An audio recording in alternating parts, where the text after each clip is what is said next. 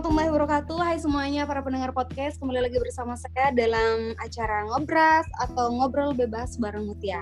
Hari ini saya kedatangan teman spesial uh, yang sudah sangat luar biasa menurut saya karir dan uh, karyanya. Coba kita dengarkan semua. Uh, silahkan. Halo, assalamualaikum. Salam. Ya, thank you Mut udah diundang ke podcastnya Mut uh, untuk sharing-sharing ya. Jadi saya itu sebenarnya tidak sehebat yang Mut bilang. Mut tuh jauh lebih hebat lah daripada saya. Bisa berbagai macam bahasa eh enggak gitu, enggak sehebat dia ya. Jadi kebetulan aja emang dikasih dikasih perjalanan hidup sih lah yang kelihatannya orang sih kayaknya hebat gitu padahal ya gitulah ya gitu. Oke okay, uh, eh, saya Naili Fitria biasa dipanggil Naili. Uh, saya sama Mut temenan dari S1 waktu kita sama-sama uh, jadi teman kenal di asrama uh, sama satu tahun. Uh, di asrama namanya KMSGD Kesatuan Mahasiswa Sunan Gunung Jati. Terus temenan selama kuliah terus um, akhirnya punya jalan hidup masing-masing gitu ya. Tapi alhamdulillah sampai sekarang masih berteman. Sekarang saya eh, S1-nya dulu di UIN di jurusan hubungan internasional terus S2 kemarin alhamdulillah eh, apa namanya eh, dikasih kesempatan untuk sekolah di Inggris di University of Birmingham mengambil jurusan HI juga dengan eh, spesialisasi khususnya di bidang diplomasi gitu jadi um, Terus sekarang kerja sebagai dosen di Universitas Pertamina, dosen di jurusan hubungan internasional. Gitu kira-kira kenalan singkatnya. Luar biasa ya profilnya. Aduh biasa aja loh. Uh, kamu ada salah satu buku yang memang mungkin dari sekian orang nih di uh, Indonesia ada yang sudah baca ataupun yang belum tahu ngerti bukunya dan kemarin kan aku udah sempat baca ya Naya dan itu uh, sangat inspiratif menurut aku isinya. Tapi coba ceritakan lagi apa sih alasan kamu memilih judul Miracle okay. sebagai uh, Oke, okay. jadi ini buku aku uh, apa namanya judulnya Be a Miracle ya uh, mohon maaf kalau ada noise noise suara karena memang ini menjelang berbuka puasa jadi kita suka banyak iklan gitu di rumah ya. Uh, jadi nggak apa-apa ya. biar ramai biar seru ya. Oke okay, uh, aku nulis buku ini tahun 2016 uh, diterbitkan oleh Alex Media Komputindo judulnya Be a Miracle. Um, dari cemoohan menjadi tepuk tangan itu tagline yang asik gitu ya. Dari cemoohan menjadi tepuk tangan wah ada apa gerangan nih kita nulis pakai tagline kayak gitu ya. Kejadiannya sebenarnya di tahun 2013 ketika masih S1 masih kuliah gitu ya yang memotivasi buku ini sebenarnya adalah keinginan untuk uh, sebenarnya ceritanya sederhana. Awalnya bahkan nggak yakin kalau akan diterbitkan. Karena memang cuma journey yang menurutku biasa aja gitu ya. Dalam arti uh, oh oke okay, uh, mungkin orang lain juga merasakan hal yang sama gitu. Jadi kayak dicemooh terus juga dia bangkit dan lain sebagainya. Tapi ternyata gitu ya ketika menulis buku ini dan audiensi ke penerbit di Alex Media waktu itu ternyata dari sekian yang submit tulisan ternyata tulisanku itu pertama yang lolos rapat redaksi. Nah jadi aku pun nggak tahu gitu ternyata eh, editor bilang ini sangat menarik mbak untuk diterbitkan katanya gitu. Padahal aku nggak nyangka karena ini kayaknya eh, biasa banget deh maksudnya biasa aja gitu kisahnya gitu ya. Tapi uh, akhirnya ya udah akhirnya senang ya uh, senang tentu karena dari situ ternyata ada uh, namanya menulisnya kita seperti menyuarakan ya menyuarakan dan sharing apa yang apa yang kita ya, alami ya, apa yang terjadi di kehidupan kita itu jadi didengar itu jadi di acknowledge sama penerbit dan akhirnya mereka mau menerbitkan gitu. Diterbitkan sebanyak cetakan pertamanya 2000 eksemplar gitu ya jadi um, dan diterbitkan di, ada di toko buku seluruh Indonesia kira-kira kayak gitu. Yang jadi motivasinya ya itu tadi gitu ya. Uh, awalnya iseng-iseng aja uh, di sisi lain pengen ada sesuatu yang kayaknya dari semua baca buku itu belum ada kisah seunik ini. Apalagi aku tuh nulis tentang New Zealand. Tentang New Zealand tentang Wellington tentang Auckland. Belum banyak orang yang bahkan bahas tentang New Zealand. Jadi sedikit banyak memperkenalkan tentang uh, New Zealand tuh kayak apa jalan-jalan di sana tempatnya itu namanya apa aja gitu ya. Karena ini uh, bukunya itu genre-nya mirip dengan um, apa namanya Notes from Qatar. Jadi benar-benar menceritakan kisah yang terjadi sebenarnya kayak gitu ya dengan disisipi dengan pesan-pesan apa sih yang apa namanya yang mau dikesampaikan penulis ke pembaca? Dan salah satunya pesan utamanya adalah never give up ya. Karena ini menceritakan tentang bagaimana perjuangan-perjuangan uh, aku gitu ya untuk dapetin beasiswa yang gagal lebih dari 10 kali gitu tapi nggak menyerah dan bener-bener gigih gitu pengen dapetin beasiswa luar negeri dan akhirnya tercapai. Berangkat ke New Zealand tahun 2013 itu beasiswa pertama. Kira-kira gitu. Oke. okay. Wah, menarik ya. Ini baru uh, mukadimah lah ya. ini bukunya. Nah, uh, berarti mostly di buku itu tentang bagaimana sih seorang Nelly Fitria itu menjadi sosok yang tidak mudah give up untuk mencapai dreamnya. Nah, sekarang kita tahu uh, generasi muda sekarang tuh kita tahu sibuknya seperti apa, seperti apa ya. Uh, kalau memang ya sekarang sih sudah banyak aplikasi yang memang sangat menarik yang menurut uh, aku pribadi mereka lebih tertarik ke hal-hal yang mungkin dalam tanda kutip kurang mengisi waktu mereka hmm, dengan kegiatan hmm. TikTok kan. Hmm, hmm, ya, tren zaman sekarang banget. Uh, uh, sibuk main Insta Story itu hmm. itu sih aku banget. Sama dong. apa sih nih ini tipsnya bagi kita nih sebagai anak bangsa tentu saja sebagai generasi bangsa agar tidak terlalu terlalu terlarut dalam hal-hal yang kurang bermanfaat. Kalau kalau kamu kan udah menulis, sudah menjadi produktif seperti itu kan. Kira-kira gimana nih cara menghadapi uh, anak muda yang cenderung tidak mau mengembangkan potensi dia?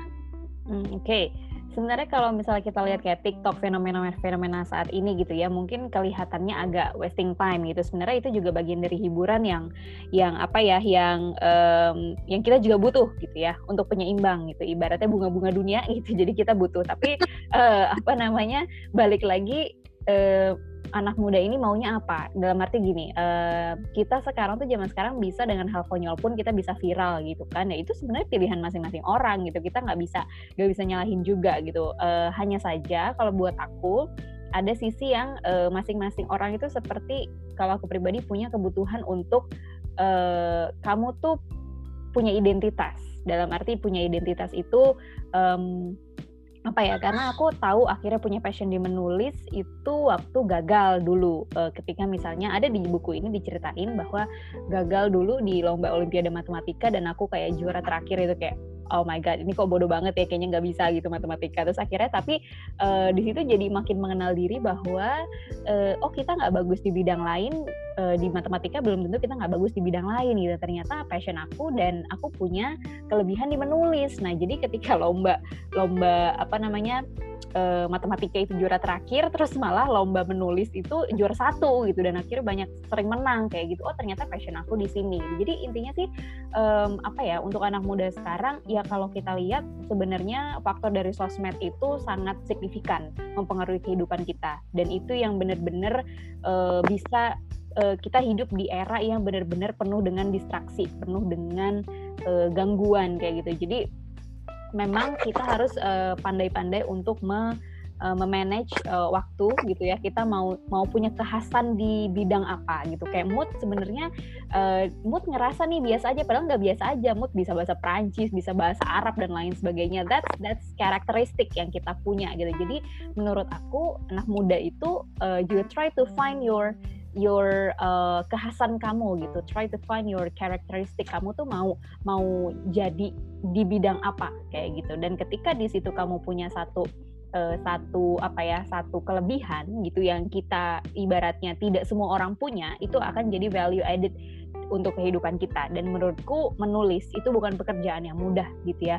Bahkan kan ada quote-nya yang emang jadi motivasi aku juga gitu uh, kata sahabat Rasulullah SAW kalau tidak salah itu berkata bahwa jika kamu bukan seorang anak ulama besar uh, dan juga bukan anak raja maka menulislah kira-kira kayak gitu dan uh, kita tahu bahwa sejarah Islam pun kitab-kitab uh, yang menjadi rujukan keilmuan Islam sampai sekarang itu kan ditulis oleh ulama-ulama terbaik yang memang menuliskan ilmunya gitu di dalam uh, sebuah buku. Nah, kira-kira kayak gitu. Untuk mengabadikan momen, untuk sebagai diary, sebagai pengingat karena nulis itu pasti ada hal-hal refleksinya yang kita dapetin dari dari perjalanan kita kira-kira kayak gitu. Cari kekhasan kita.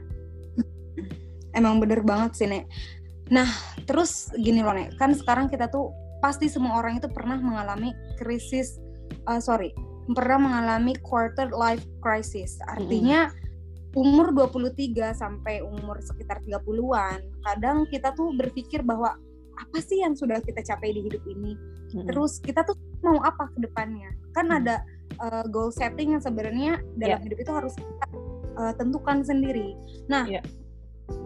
pernah nggak seorang Nelly Fitria mengalami quarter life crisis dan bagaimana sih cara menghadapinya? Quarter Coba. life crisis nih lagi sekarang saya alamin kayaknya ya. Kayaknya lagi sekarang aku alamin. Okay. Jadi memang uh, rasanya kenapa? Iya kepo nih. Jadi gimana nih? Oke. okay. Jadi kalau sebelum umur 25 itu kayaknya nggak kerasa ya kita masih oke-oke aja, masih santai-santai aja. Terus kita mm -hmm. bisa bisa being very childish person gitu. Jadi kekanak-kanakan that's fine karena kita masih di bawah 25. Tapi ketika usia 25 and then itu uh, sebagai quarter dari kehidupan kita dalam arti 25 per 100 gitu ya. Jadi jadinya banyak istilah quarter life crisis di mana di situ banyak orang yang merasa dirinya itu uh, apa ya kembali mencari jati diri. Sebenarnya aku nih tujuannya mau apa? Terus kok udah umur segini aku masih gini-gini aja? Itu kan krisis namanya. Jadi dia memikirkan sesuatu yang dia belum achieve di usia segitu gitu ya. Nah e, memang dulu kalau aku pribadi emang orangnya punya selalu punya mimpi tinggi gitu ya. Sebenarnya makin ke sini sih makin kadar ambisinya makin makin bukan merendah ya. Dalam arti punya tujuan tapi bukan terlalu ambisius gitu. Jadi um, apa namanya karena sebenarnya krisis itu kan kegelisahan-kegelisahan kita yang memang uh, kita merasa uh, awalnya adalah kenapa terjadi krisis? Karena kita compare ourselves to other person, to other people yang memang lebih higher achievementnya, lebih higher misalnya pekerjaan, pendapatan, kok gue masih gini-gini aja ya orang lain kok udah uh, seusia gue udah punya startup misalnya, udah punya uh, bisnis apa, udah karirnya udah diterima pekerjaan di mana, udah keliling dunia, kok gue masih di sini-sini aja ya, kira-kira kayak gitu. Sebenarnya hal itu wajar terjadi. Berarti kita sadar kalau misalnya kita itu uh, punya tujuan yang mungkin belum kita seriusin, kira-kira kayak gitu kalau quarter life crisis. Nah, uh, masalah itu tercapai atau tidak, uh, kalau aku pribadi ketika menghadapi quarter life crisis banyak harus banyak berpasrah, harus banyak ikhlasnya. Jadi tetap berjuang gitu ya dalam arti misalnya uh, aku termasuk bukan yang menargetkan usia. Untuk usia segini aku udah S2, usia segini udah S3 itu enggak sih, gitu ya. Jadi lebih kepada oh aku punya tujuan dan itu benar-benar harus uh, lurus gitu. Maksudnya tujuannya tuh oke okay, mau sekolah S2. Untuk apa nih ilmunya? Oh oke okay, aku mau mendalami uh, tentang isu perdagangan manusia. Untuk someday aku juga bisa ngasih uh, manfaat gitu ke masyarakat yang memang terdampak misalnya kasus perdagangan manusia. Jadi lebih kayak gitu. Supaya apa? Supaya passion kita itu long last.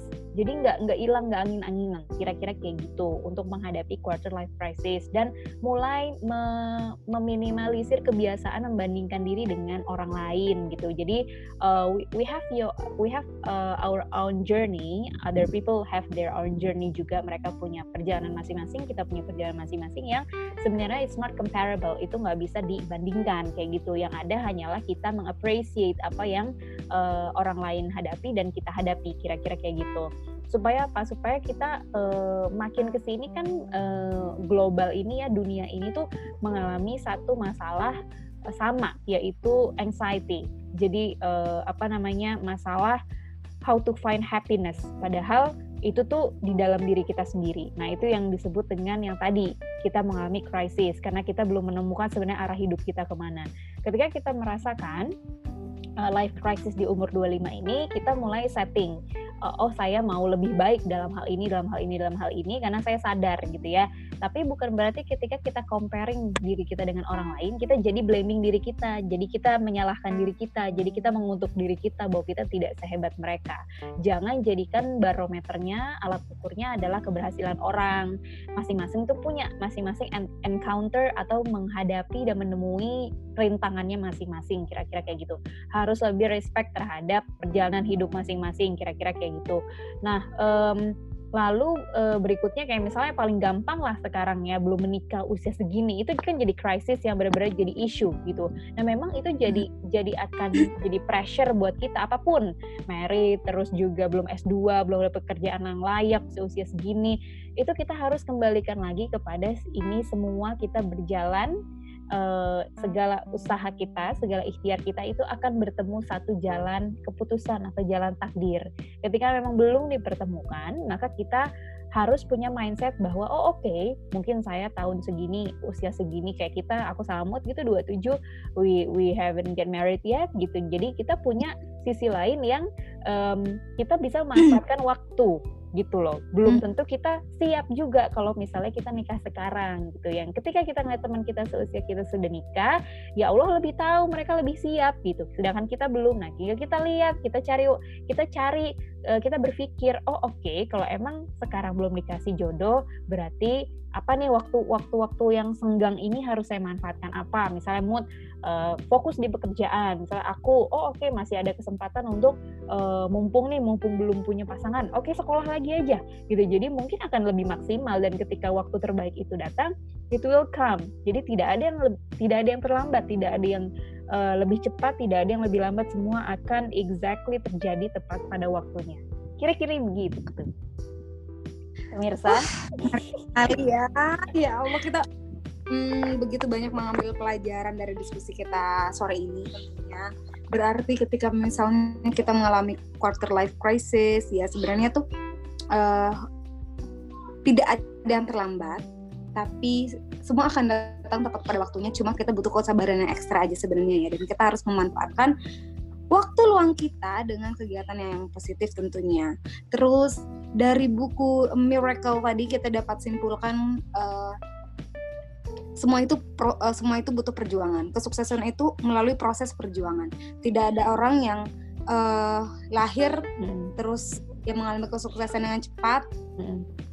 Orang Nelly Fitria pun sebelum menerbitkan buku mengalami kegagalan tentunya yang tadi hmm. disebutkan seperti serta uh, Semoga seorang Nelly selalu menjadi miracle bagi Amin. setiap orang di iya, sekelilingnya yeah. dan yeah, yeah, tentunya. Sama buat mood juga. Oke, okay. um, mungkin ini mood aku, aku ada yang lupa sedikit. Kenapa tadi pertanyaannya belum dijawab? Kenapa namanya Be a Miracle kan kayak gitu kan? Ya memang. Jadi memang di buku ini tuh aku memang menjelaskan tentang uh, apa ya? Menjelaskan tentang mungkin kita kalau sebagai manusia itu suka suka sok pede sama kemampuan diri sendiri. Nah itu yang aku rasakan ketika gagal bertubi-tubi beasiswa dan itu aku mulai berpikir oh mungkin selama ini aku terlalu pede dan terlalu mengandalkan kemampuan diri sendiri gitu. Jadi miracle itu kan sesuatu yang uh, kita bilangnya yang tidak kelihatan, yang unseen. Jadi yang memang gaib ya bahasa kita. Kita harus percaya terhadap yang gaib gitu. Maksudnya kita harus percaya bahwa uh, Allah tuh punya kuasa gitu. Makanya ketika uh, Be a Miracle itu ketika um, aku sudah memasrahkan sebenarnya semuanya. Ketika sudah ya almost uh, almost give up mungkin tapi alhamdulillahnya tidak give up gitu ya. Jadi uh, sudah menyerahkan sama Allah semoga kalau emang ini gagal lagi itu udah kayak udah gambling aja tuh. Jadi ada satu chapter di buku itu Be a Miracle judulnya itu aku udah udah bilang jika hanya ada satu kesempatan. Oke deh, kalau misalnya ini 10 kali gagal semua, aku bilang aku sudah ikhlas. Karena waktu itu uh, sudah dapat beasiswanya dan nyaris juga gagal berangkat lagi. Jadi udah uh, sholat itu bawaannya nangis mulu. Jadi udah kayak ya udah pasrah. kalau emang ini bukan jalannya lagi untuk apa namanya untuk berangkat ke luar negeri, nggak apa-apa. Aku bilang asal aku bisa ke luar negeri yaitu haji dan umroh. That's it. Akhirnya apa? Berangkat Nah, jadi di situ kita benar-benar diajarkan ya sama perjalanan itu tentang satu kepasrahan. Jadi memang e, ketika kita terlalu pede sama diri kita, kita terlalu percaya sama diri kita sendiri, bisa jadi Allah itu nggak ikut campur sama urusan kita. Jadi kita dibiarin sendiri. Ya deh, urus sendiri deh.